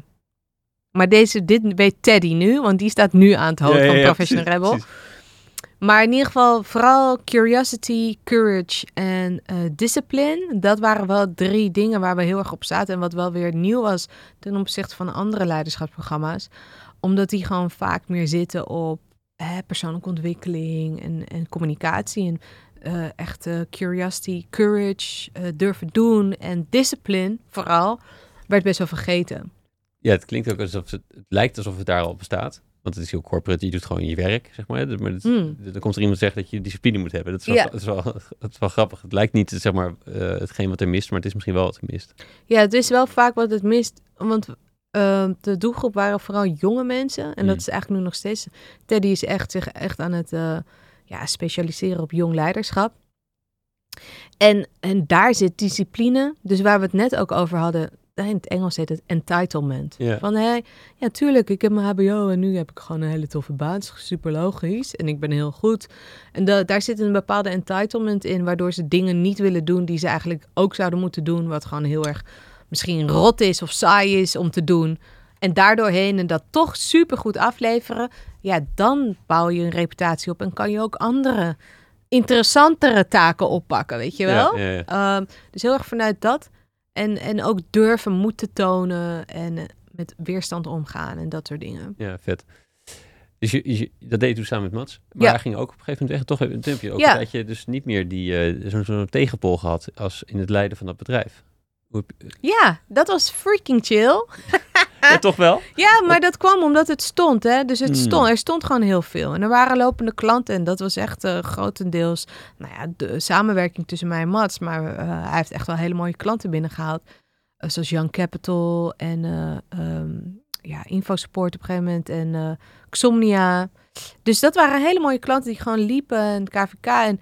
ehm, dus, en toen ging hij weg. Toen had ik gewoon een hele mooie basis. Ja. En toen heb ik eigenlijk gewoon veel externe trainers ingehuurd. Waarvan eentje Teddy. En, eh, en toen ja, had ik eigenlijk weer een team. Maar wel op een veel relaxtere manier. Want ik kon gewoon eh, opstaan wanneer ik wou. Ik kon gewoon precies doen wat ik wou. En met een team, want met, in de tijd van Mats hadden we ook nog drie, vier andere mensen op kantoor zitten. Ja, weet je, dan moet je op kantoor zijn. Dan moet je echt gewoon eh, een rolmodel zijn. Ook qua discipline dus. En ik ben helemaal niet per se... Ik ben veel relaxter in mijn leefstijl, zeg maar. Ik eh, geloof helemaal niet zo in vijf dagen lang van negen tot vijf Nee. eh, werken. Eh, Integendeel. Eh, hè, ik wil gewoon uitgebreid kunnen lunchen of stoppen om twee uur als ik wil. En, en toen, Mats, toen wij uit elkaar gingen en we geen team meer hadden en het kantoor was opgezegd, was ik veel flexibeler. Had ik wel hele grote projecten en programma's lopen. Veel minder kosten. ja. Dat was geniaal. Dat is je echt huurde dan externe trainers als je de opdrachten had voor ze. Dus je had eigenlijk meer een, een merk en een Ja. product, product line-up. En, en je Ja. verkocht dat en daarmee had je werk. Ja, Ging je naar de klant toe. En, nou, het was iets genialer dan dat. Want ik had gewoon klanten, doorlopende producten, doorlopende programma's. Eh, dat had ik op een gegeven moment gewoon gefixt. En eh, dat, ja, dus de klanten had Mats binnengehaald en ik had er langdurige programma's aan, aan die klanten verkocht. ja. Dus dat ging gewoon door en door. En kon ik gewoon vast zeggen, hey Teddy, dus, eh, en Meret en eh, een paar andere mensen, wil jij gewoon eh, één of twee keer per maand dat doen? Ja. En dit is het programma, en dit zijn de powerpoints, en dit zijn de opdrachten.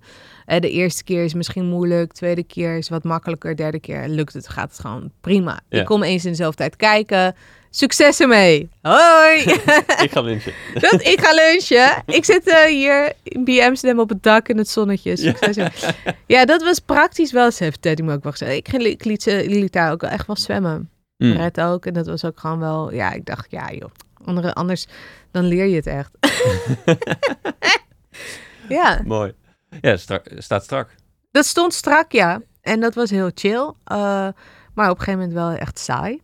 Ja. Ehm, en toen ging ik zelf wel de meest interessantere programma's, vond ik zelf dan, eh, programma's doen. Eentje voor infosupport IT'ers, meer van medior naar senior ehm, trainen Mhm. in leiderschap. En dat waren, dat nog steeds doe ik dat. Doe ik dus nu al vier, vijf jaar of zo. Ehm, en dat, eh, dat is echt, dat vind ik echt zo tof. Dus dat zijn hele op maat gemaakte programma's. En wat, die- eh, wat in, in die inhoud spreekt je zo aan? Het is echt menswerk. Ja, dus het is echt ehm, bijvoorbeeld eh, echt confrontatie ook. Het is echt eh, eigenlijk hen helpen om te gaan met weerstand en angst en ongeduld en ehm, miscommunicatie. Dat je eh, gewoon de gruwelijke dingen aan werken. Ja. ja, gewoon dat je met mensen omgaat. Ja, en het stukje daar leiderschap in pakken. In plaats van achteroverleunen en denken, oh, oké, laat maar. ja. Uh, maar gewoon echt leiderschap durven te pakken. Uh, het was één gast en dit, um, die was echt twee keer zo groot als ik. En uh, die vertelde over, ja, weet je, bij mij is het probleem dat ik heb een Scrum Master en hij is dan lead developer. Ik heb een Scrum Master en die is zo saai en altijd de retro's zijn altijd heel saai, waardoor ze nooit goed worden benut en la la la. En um, ja, eh, ik vind het gewoon verschrikkelijk. Wat kan ik doen tijdens zo'n scrum of tijdens zo'n retrospective? Dat is een uh, vergadering, methode waar je terugkijkt op hoe, wat er allemaal misging in het project en wat goed ging. En um, het zei ik, nou ja, weet je, je kan van alles doen, maar heb je al een keer met hem gepraat? En zei hij, nee, nee, nee, want ik heb ook niet het idee dat de andere mensen in het team het probleem hebben. Heb je dat wel eens aan hun gevraagd? Nee, nee, dat niet. maar ik merk het. Ik heb het idee dat alleen ik me irriteer. Oké. Um, en toen rustte het even. Ik denk een uur later zei ik tegen hem... Kijk, bij jou wil ik eigenlijk heel graag zeggen... Je bent gewoon twee keer zo lang als ik. Je bent gewoon een grote volwassen kerel. Wat let je in godesnaam om met die Scrum Master één op één te praten? En hij was zo flabbergasted. Echt zo, echt zo'n klap in zijn gezicht en een soort van wake-up call eigenlijk. En meer een schudden. Het is die stoere vent van de, van die de metrokrantje. Dude. En ik keek omhoog terwijl ik dit zei, weet je wel. Wat let je? en, uh, en toen in één keer was het gewoon helemaal duidelijk voor hem. Ik zei, ja, waar, heb ik... Weet je, die, we, we bouwen zoveel weerstand in ons hoofd op. Mm. Ik heb er hier natuurlijk ook super veel last van. Uh, interne belemmeringen, interne gedachten. Uh, en dat ja, vind ik gewoon heel interessant om daar een soort van luikje open te trekken, zodat het in één keer gaat vloeien. En um, ja, hij heeft echt meteen actie ondernomen en uh, zit nu ook in, niet meer in dat team, maar in het andere team. En weet je, het ging meteen vloeien. En dat, ja, um, ja dat, vind ik, dat vind ik geniaal. Het effect op de mens. En meer bijvoorbeeld dan uh, in, wat Lina beschreef, het effect op de samenleving. Of Precies, zo, ja. Op het systeem. En... Ja, nou ja, vanuit de mens effect op het systeem. Dat is echt mijn ding. Dat is echt mijn ding, ja. Ja, Oscar zei hier laatst, uh, ik werk aan de sociale kant van duurzaamheid. Dus dit, uh, hij werkt op de Zuidas en daar, daar coacht hij mensen. Oh ja. En, en ja, door, door die bedrijven menselijker te maken, da, daarmee heeft die impact uiteindelijk. Maar dat is een beetje wat jij ook beschrijft. Ik verander het systeem door de mensen zo één voor één ja. te, te, te enablen om ander gedrag te kunnen vertonen. Ja, en dan niet op, met de zachte hand, maar meer met het, met het ongemakkelijke. Ja. Ja, want ik geloof wel echt hoe, um, hoe, we, hoe, um, hoe we nu in de wereld staan, zeg maar, hoe de wereld nu verandert, wordt alleen maar ongemakkelijker. Mm. Het zal alleen maar weerstand komen. Er zal meer, meer weerstand, meer ongemak, meer angst. Um, en hoe, weet je wel, als je echt leiderschap wil tonen, moet je leren daarmee om te gaan. Dat, yeah. dat is wel echt hetgeen waar ik het meest van overtuigd ben. Dus Um, ja, wat ik veel zie, zijn echt gewoon lieve coaches, zachte trainers. En duizend en één modellen. Of weet ik, wel, BIM weet ik veel modellen. Modelletje dit, modelletje dat. Ja, daar gaat het volgens mij totaal niet om. Het gaat echt, echt om de ongemak opzoeken en daar durven mee om te gaan. Mm. En dus als trainer echt mensen ook ongemakkelijk te laten voelen. Ja, mooi. Ja. Mooi. Dat, uh... hey, wat misschien ook ongemakkelijk was, is dat, dat jij toch ook Professional Rebel los hebt durven laten. Of dat je daaruit bent gestapt. Of dat je het overgedragen hebt eigenlijk. Ja. Um, hoe is dat gegaan? Ja, dat was dus uiteindelijk helemaal niet meer ongemakkelijk. Dus ik had het dus helemaal goed voor elkaar. Ja, ja, ja. en toen dacht ik, nou, laat ik hiermee stoppen. ja, maar, Why? ja. waarom zeg je het zo? Nou ja, omdat het gewoon wel, wel heel typisch is. eh, dat ik eh, het gewoon prima voor elkaar had eigenlijk. Maar dat niet verder wou uitbouwen. Ik heb er wel heel veel over nagedacht. Maar ik wou, ik, eh, het was toch een bepaald construct geworden. Met echt een hele intellectual property. Hè? Allerlei methodes. ehm, en, en echt, die ook echt goed werken. Waar Teddy gewoon nu heel veel impact mee aan het maken is. Maar waar ik gewoon... Ik was alweer verder. Ik had alweer honderd andere boeken gelezen. Ik had alweer andere opleidingen gedaan. Qua stof en content. Qua of stof en content en inhoud. Hmm. Dus ik zit je wel, zit dus veel meer op. Ja, echt die leiderschapskills die je nodig hebt om. Nou ja, dus ehm, zoals eh, Nassim Taleb ook wel eh, omschrijft. Echt, die, dat- die, die weerstand en ongemak. Dus dan dacht ik, ja, ik moet gewoon weer iets nieuws. Het moet gewoon weer. Ik moet gewoon weer even met schone lijn beginnen om ook gewoon te weten waar ik naartoe wil. Ja, ja, precies. En Je, had- je, je had natuurlijk in die, in die, wat is het, tien jaar of zo? De, eh, ehm, Bijna tien jaar. ja, Ja, wel ook met regelmaat een soort van een, een, wen- een draai, een pivot gedaan aan het bedrijf. Dus dat, klopt, ja. ik kon het er niet als een nieuwe business unit naast. Dus er Ja. zijn heel veel opties om toch binnen te blijven. Dus Ja. waarom koos je dan toch om, ehm, om het over te dragen? Ja, omdat ik wel gewoon, wat er nu staat, is gewoon heel mooi. Mm. Ehm, en, en, en eigenlijk op een gegeven moment was Teddy meer professional rebel dan ik. Ja, Dat was gewoon zo. Dus het is ook wel ergens natuurlijk ontstaan. Zij, op een gegeven moment gingen we een brainstorm doen over de missie. En dat had ik natuurlijk al, weet ik, hoe, hoe vaak voor Professional Rebel gedaan. En ja, zij ehm, ja, was zoveel meer gemotiveerd, samen met Meret trouwens, om dat goed te krijgen dan ik. Ja, het boeide me eigenlijk bijna niet meer. Dus toen dacht ik, oké, dit is wel echt een teken om eh, zo langzaam aan afscheid te nemen. En, ehm, maar ik moest wel iets hebben om echt goed aan Teddy te kunnen eh, achterlaten, als het ware. Mm. Aan de ene kant. En aan de andere kant, eh, ja. Nou ja, weet je, ik ben ook moeder geworden in de tussentijd. En dat heeft er ook heel veel voor die stap gezorgd. Want eh, ik, ging, toen ik zwanger was, heb ik alles gedelegeerd van wat ik deed. Dat was super chill. Dus toen, we, toen was ik al in een fase van de eerste drie maanden van mijn zwangerschap was ik ook ambitieloos. Mm. Dus toen kon ik, dat is eigenlijk een soort van natuurlijke stap geweest waarvan ik echt dacht, ja, professional rebel boeit me eigenlijk gewoon niet meer in die zin. Het leek natuurlijk een merk wat heel erg jullie, jullie twee eerst daarna jij was. Eh, Je was natuurlijk ook een beetje Miss Professional Rebel dan. Ja, Of, of was Professional Rebel jou? Dus het, maar het, het is langzaam was heel, ja, klopt. op zichzelf staans geworden. Ja, het was wel een periode. Ik heb wel, denk vier jaar geleden of zo, ehm, hadden we het erover om gewoon de naam helemaal te schrappen. Eh, gewoon, dit is gewoon heel raar. hè. Iets wat dan opkomt of Ja. zo. En hè, om helemaal even weer ook, ook opnieuw te... En dat deed mij zoveel pijn, dat kon ik gewoon niet aan.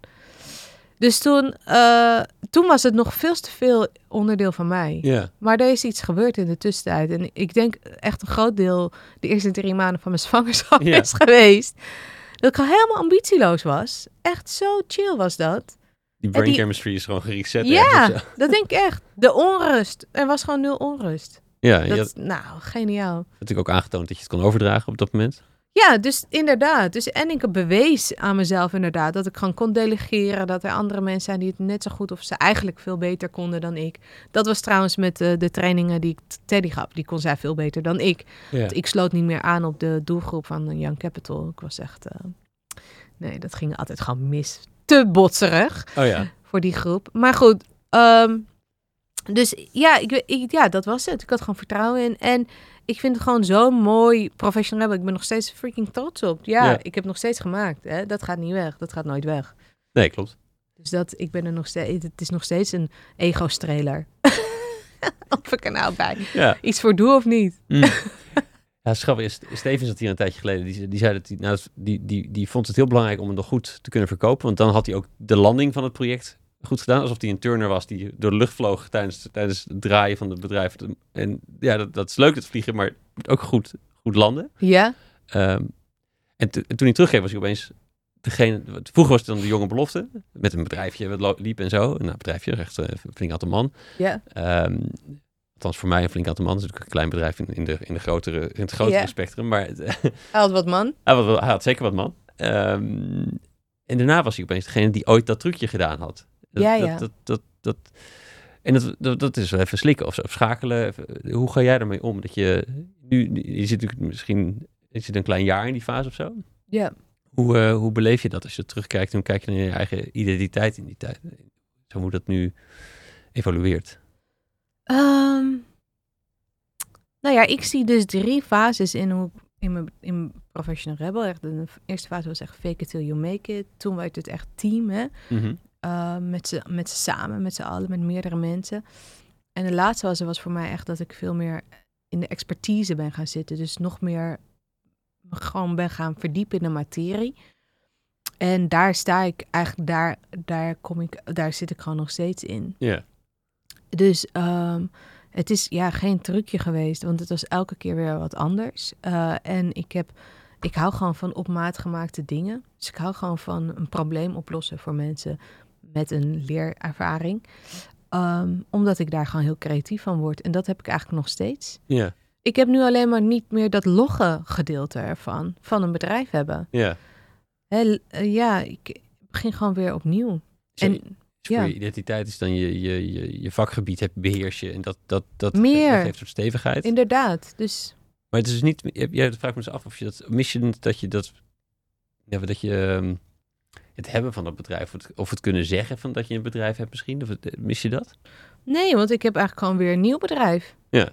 Ja, ik, start, ik zit nu echt in de kinderschoenen van een nieuw bedrijf. Utopia Avenue. Wat het precies gaat zijn, weet ik ook niet. Maar ik weet wel dat het leiderschapsprogramma's zijn. Uh, wie precies mijn doelgroep is, weet ik ook niet. Maar ik weet wel dat het futuristischer is. En meer dus waar ik het ook net wel over had. Over hè, wat voor... Dus futuristisch in de toekomst hebben we niet alleen nieuwe producten, nieuwe productiewijzen nodig. Maar we hebben ook echt nieuw leiderschap nodig. Mm. En uh, dus ik weet, ik, ik, begin, de puzzelstukjes beginnen zich steeds duidelijker te worden en in elkaar te passen. En dus nee, ja, ik ben eigenlijk gewoon, ik heb eigenlijk een pauze gehad waar ik en ik moeder was, corona had, uh, niet zelf, maar de wereld. uh, en, en, um, en nu kom ik daaruit. En ik ben eigenlijk gewoon dat, die expertise aan het bestendigen um, en weer aan, opnieuw aan het nadenken over een propositie, een doelgroep en marketing en weet ik het allemaal. Ja, je, je hebt wel vertrouwen, je, je zit gewoon heel zeker in dat proces of zo. Ja, ook omdat ik gewoon zoveel, waar ik heel veel vertrouwen, dus toen ik net begon met ondernemen, had ik helemaal niet zo heel veel vertrouwen. Maar was ik gewoon, um, ja, fake till you make it, gewoon gaan. Toen, toen haalde ik zelfvertrouwen uit anderen. Ja. En toen, dus in het begin was het gewoon verbazing. Oh mijn god, hilarisch, mensen kopen het ook nog. Weet je wel, maar eigenlijk dikke imposter syndrome hebben. Ja. Daarna, dus die, die tweede fase, was dus echt zelfvertrouwen halen uit anderen. Anderen sluiten zich aan, oké, okay, het zal wel iets zijn. En pas in de derde fase kreeg ik echt zelfvertrouwen, omdat ik dus de expertise ging opbouwen. Aan de hand van trainingen, aan de hand van uh, boeken lezen, aan de hand van coaching. Uh, en aan de hand van dat allemaal direct toepassen in programma's. Ja. En, um, en, en dat, ja, daar, de, ik merk dus dat ik nu op een soort van stevigere basis start, omdat ik gewoon al heel veel in huis heb. En de beloftes de belofte die ik ga maken, weet dat ik die kan waarmaken, omdat ik daar gewoon letterlijk bewijs voor heb. Weet je wel? Dus dat is wel echt heel anders. Heeft uh, moeder worden daar nog een rol in gespeeld? Uh, nee, ik zou wel geforceerd een antwoord willen bedenken, Nee, ja. want dat is zo leuk. En, het, en het gebeurde in diezelfde fase natuurlijk. Omdat je, wat je zei dat je drie jaar, tot drie jaar geleden ongeveer nog wel die middelbare schooltijd en dat die, die neerwaartse teneur, dat je, dat je dat toch meesleept en dat je het op een gegeven moment dat ook, dat je dat los hebt gelaten. Ja, Dat het in diezelfde tijd zat. Klopt, En- ja. en- en- dus ik dacht misschien dat het worden van ouder, dat je dan ook daarmee een soort zekere rol moet gaan innemen voor je kinderen. ah ja, nee, dat is wel echt al eerder dus uh, gestart. Ja, Um, maar als het gaat om moeder worden, uh, bre brengt het me gewoon eigenlijk uh, qua tijd gewoon heel veel uitdaging. Dus ik moet wel veel effectiever zijn in kortere tijd. Ja. Ik moet wel snel, nog sneller keuzes maken. En ik heb wel afgelopen jaren heel veel keuzes uitgesteld. Waar ik in het begin van mijn ondernemen juist heel snel was, heb ik heel veel keuzes uitgesteld. En een beetje. Uh, nou, welke richting, welke doelgroep, wat het, weet je wel. En dat, waardoor ik altijd een beetje dit en een beetje dat en zus en zo even afgelopen anderhalf jaar heb gedaan, een beetje experiment. Maar nu is het echt weer tijd voor een soort van grote moedige stap en keuze en verscherpte en, en daarna de diepte in, weet je wel. En daar, heb ik, daar merk ik van, daar is nu het momentum voor. Dus eerste anderhalf jaar van moederschap is ook best wel troebel voor mij geweest in mijn hoofd. Mm. Uh, en dat begint nu juist weg te nemen. Ja, en moederschap zelf brengt gewoon heel veel geluk mee. Hè? Dus heel veel positiviteit. En dat geeft wel weer heel veel energie. Ja. Dus dat uh, benut ik wel in, in, um, ja, in mijn mens zijn. Ja. Ja, en de kwaliteit van mijn leven is gewoon wel echt, ja, qua emotie of zo, emotionele wereld, ja, enorm omhoog gegaan. Ja, um, ik bedoel, ik begrijp ook heel goed dat mensen geen kinderen willen. Echt, don't get me wrong. Dan heb je, kan je ook een hele fijne emotionele wereld hebben. ik kan me heel goed voorstellen dat mensen dat hebben. Maar in mijn geval, ja, voor mij heeft het gewoon een enorme verrijking gegeven. Ja. En um, ja, dat vind ik gewoon wel heel erg. Uh, dus dat, uh, dat geeft me vast wel heel veel. Dat heeft vast over een spillage, om het maar even in coronaterms termen, op, op de rest van mijn leven. Vast Ja. wel. Ja. Eén laatste vraag nog. De, de, ehm, eh, hoe, hoe, hoe kijk je naar opvoeden aan? Ook met alles wat je natuurlijk aan bagage hebt opgedaan, wat je, wat je, wat je groepen leert, wat je Oh, mensen ja. leert. Leuk. Zijn er al dingen die je, hoe je kijkt naar de opvoeding van je zoon? Ja, dat is wel echt ingewikkeld. Een van de grootste uitdagingen van docenten, trainers, coaches, is dat je wil dat het kwartje in iemands hoofd valt. hè? ja. Maar ja, ondertussen ben je ook gewoon verantwoordelijk voor iemands leertraject. Dus hè, wil je er eigenlijk ook wel weer iets maakbaars van maken, meetbaars. En eh, Mm. nou ja, dat is gewoon heel ingewikkeld. Dus dat, met een kind is dat natuurlijk eh, alleen maar uitvergroot. Ehm, dus in die zin, wat ik eigenlijk gewoon nu weet is, en wat ik ook hanteer, is gewoon dat ik ehm, zowel liefde als grenzen geef, zodat hij die op een gegeven moment kan internaliseren en gewoon het kwartje in zijn eigen hoofd is gevallen en hij het zelf eh, zo voelt zoals, zoals ik denk dat gewoon het best voor hem is. Maar ja, dan nog, ik wil, ik wil heel graag dat hij gewoon zelf dingen ontdekt. Dus ik ben echt wel een moeder die hem dan laat staan op een stoel, wat veel te wankel is. En ja, en dan op een gegeven moment wel zeggen, je moet echt gaan zitten. Maar hij zegt nu gewoon nee. Hij is anderhalf en hij zegt Ja. nu wel nee. Maar dus daar, daarmee spelen. Dus heel veel ruimte geven om eh, te ontdekken en stoute dingen te doen. Dat is eigenlijk wel een beetje mijn, mijn stijl. Omdat ik ook gewoon wel echt zoiets heb je moet ook echt zelf... Ik ga niet als een soort van helikoptermoeder jou de hele tijd in de gaten houden. Want ik denk, ik denk niet... Als trainer eh, eh, denk ik niet dat dat de beste weg is. En als moeder ook niet. Nee. Nee. nee. Liefdevolle verwaarlozing hoorde ik eh, iemand dat Zoiets. laten noemen. Zoiets, ja. ja. Dat is een snoer. Oh jee. Hey, ehm, we gaan een beetje naar afronding. Ik zit ook naar de klok te kijken. Het is, het is een, een mooi, mooi, rijk en lang gesprek geweest. Ja. Ehm, heb je, ik, één laatste vraag, om het een beetje concreet te houden. Heb jij, heb jij tips voor de eh, luisteraars? Die dingen die jou inspireerden, die je misschien, waarvan je denkt, dat eh, daar hebben andere mensen wat aan? Eh, nou, wat, waar zou jij iets aan hebben? Want dan, kan, want dan kan ik er iets concreet. Wat is iets waar jij nu, Oh. waar jij nu van denkt... oh, dat zou ik eigenlijk wel leuk... Daar, daar loop ik een beetje tegenaan. Of dat vind ik wel... Oh, dat vind ik tricky dat je het nu... Dat is, aan het eind van het gesprek vind ik moeilijk om over zelf na te denken. Eh, ehm, nee, ik, ben even, ja, ik ga hem toch teruggeven weer. Ik wil, wil weten wat jou inspireert. Rot man nu. Ja. Ehm, nou, even kijken. Eh, Als het- ik heb echt heel veel tips, en dat weet je, als het Ja, gaat om ja, boeken. ik heb ook een boekenclub eh, en die kan je ook volgen. In, het Insta Boekenclub op Instagram.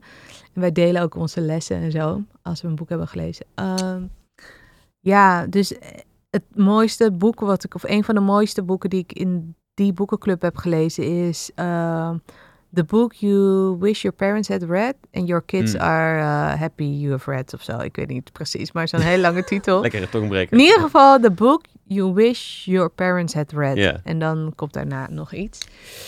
En die ja, heeft me heel veel gegeven. Ook als trainer, eh, slash coach, hè, Mhm. in mensenwerk. Mensen helpen in transformatie heeft dat boek me heel veel lessen gegeven.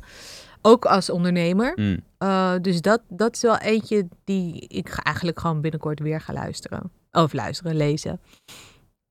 Even kijken hoor. Ehm, nou, ik ben nu weer Star Trek aan het kijken. Oh ja. Met Captain Janeway, die verdwaald is in de Delta Quadrant. 70 lichtjaren verder van aarde. En dat is wel... Ja, ik, ik, ik sowieso heb ik laatst ook een oproepje op LinkedIn gedaan. Maar ik denk echt dat science fiction een ontzettend onderschatte bron aan ehm, ja, ideeën. Maar niet alleen in producten, hè.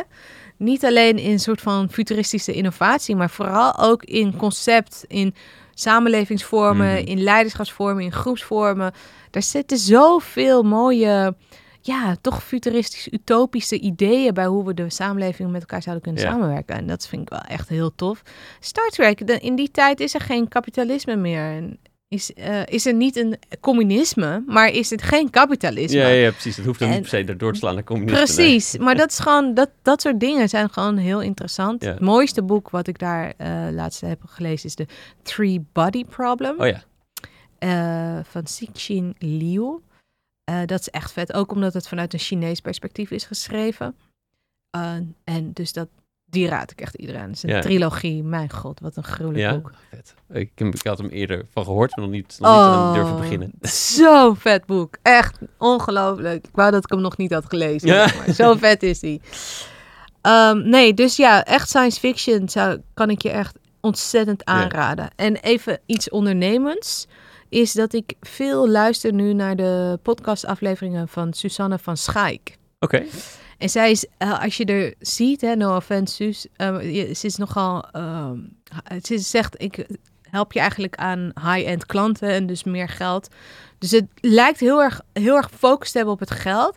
Maar als je dan luistert, dan kom je achter dat er veel meer diepte in zit. En Mm. veel meer ehm, ja, spiritualiteit. Maar vooral dus ook freaking hele goede business tips over hoe je gewoon eigenlijk je omzet kan verhogen. Door je prijs te verhogen, door je kwaliteit te verhogen. Daar komt het eigenlijk gewoon een beetje op neer. Eh, ja, echt heel chill. Dus ja, dat zijn ze dan wel. Goeie. Dankjewel. Ja. Sowieso bedankt voor de Ja. Ik heb, een, ik heb natuurlijk wel nog een check- Jij bedankt. Dit is zo leuk voor de, interv- de interviewee. Dat is, mijn, ja. dat, is, dat is mijn doel. Of de Ja. luisteraars ook leuk vinden dat ze willen zien. Maakt maar niet wel. ik denk het wel. Van heb je echt een onwijs rijk eh, verhaal verteld over je eigen leven. Je begin. ehm, en al die fases van ondernemerschap. En hoe je, ik ben heel benieuwd waar, eh, waar Utopia Avenue eh, heen gaat groeien. Dus Ja, ik, me too. Ja. Ik, ja, en ik heb ik zelf ook heel veel aan, aan, aan die begintijd van Professional Rebel gehad. Ik, bedoel, ik was zelf net ook, nou, ik werk nog bij, bij een eh, consultiebureau, maar ook in die stap daarna. eh volgens mij ook een mooie beginlancering van mijn eigen zelfstandig bestaan en zo. Dus daar ook nog voor bedankt. Ja, Die geen tijd. dank. Vet. Wist ik helemaal niet. Maar ja, vet. Dankjewel. Zou, jij, zou jij hem ehm, willen afsluiten? Op dat rode knopje daar te drukken. Ja, sure. Of we kunnen heel erg om, om hulp gaan roepen naar Ruben. Maar Ruben! Nee, doei! Ja, dat was hem alweer. Dankjewel voor het luisteren. Wil je zeker weten dat je de volgende aflevering ook vindt? Abonneer je dan op de podcast. Je weet hoe dat werkt in de app die je gebruikt. Weet ook dat ik van alle afleveringen uitgebreide show notes met de lessen en de links uit het interview maak.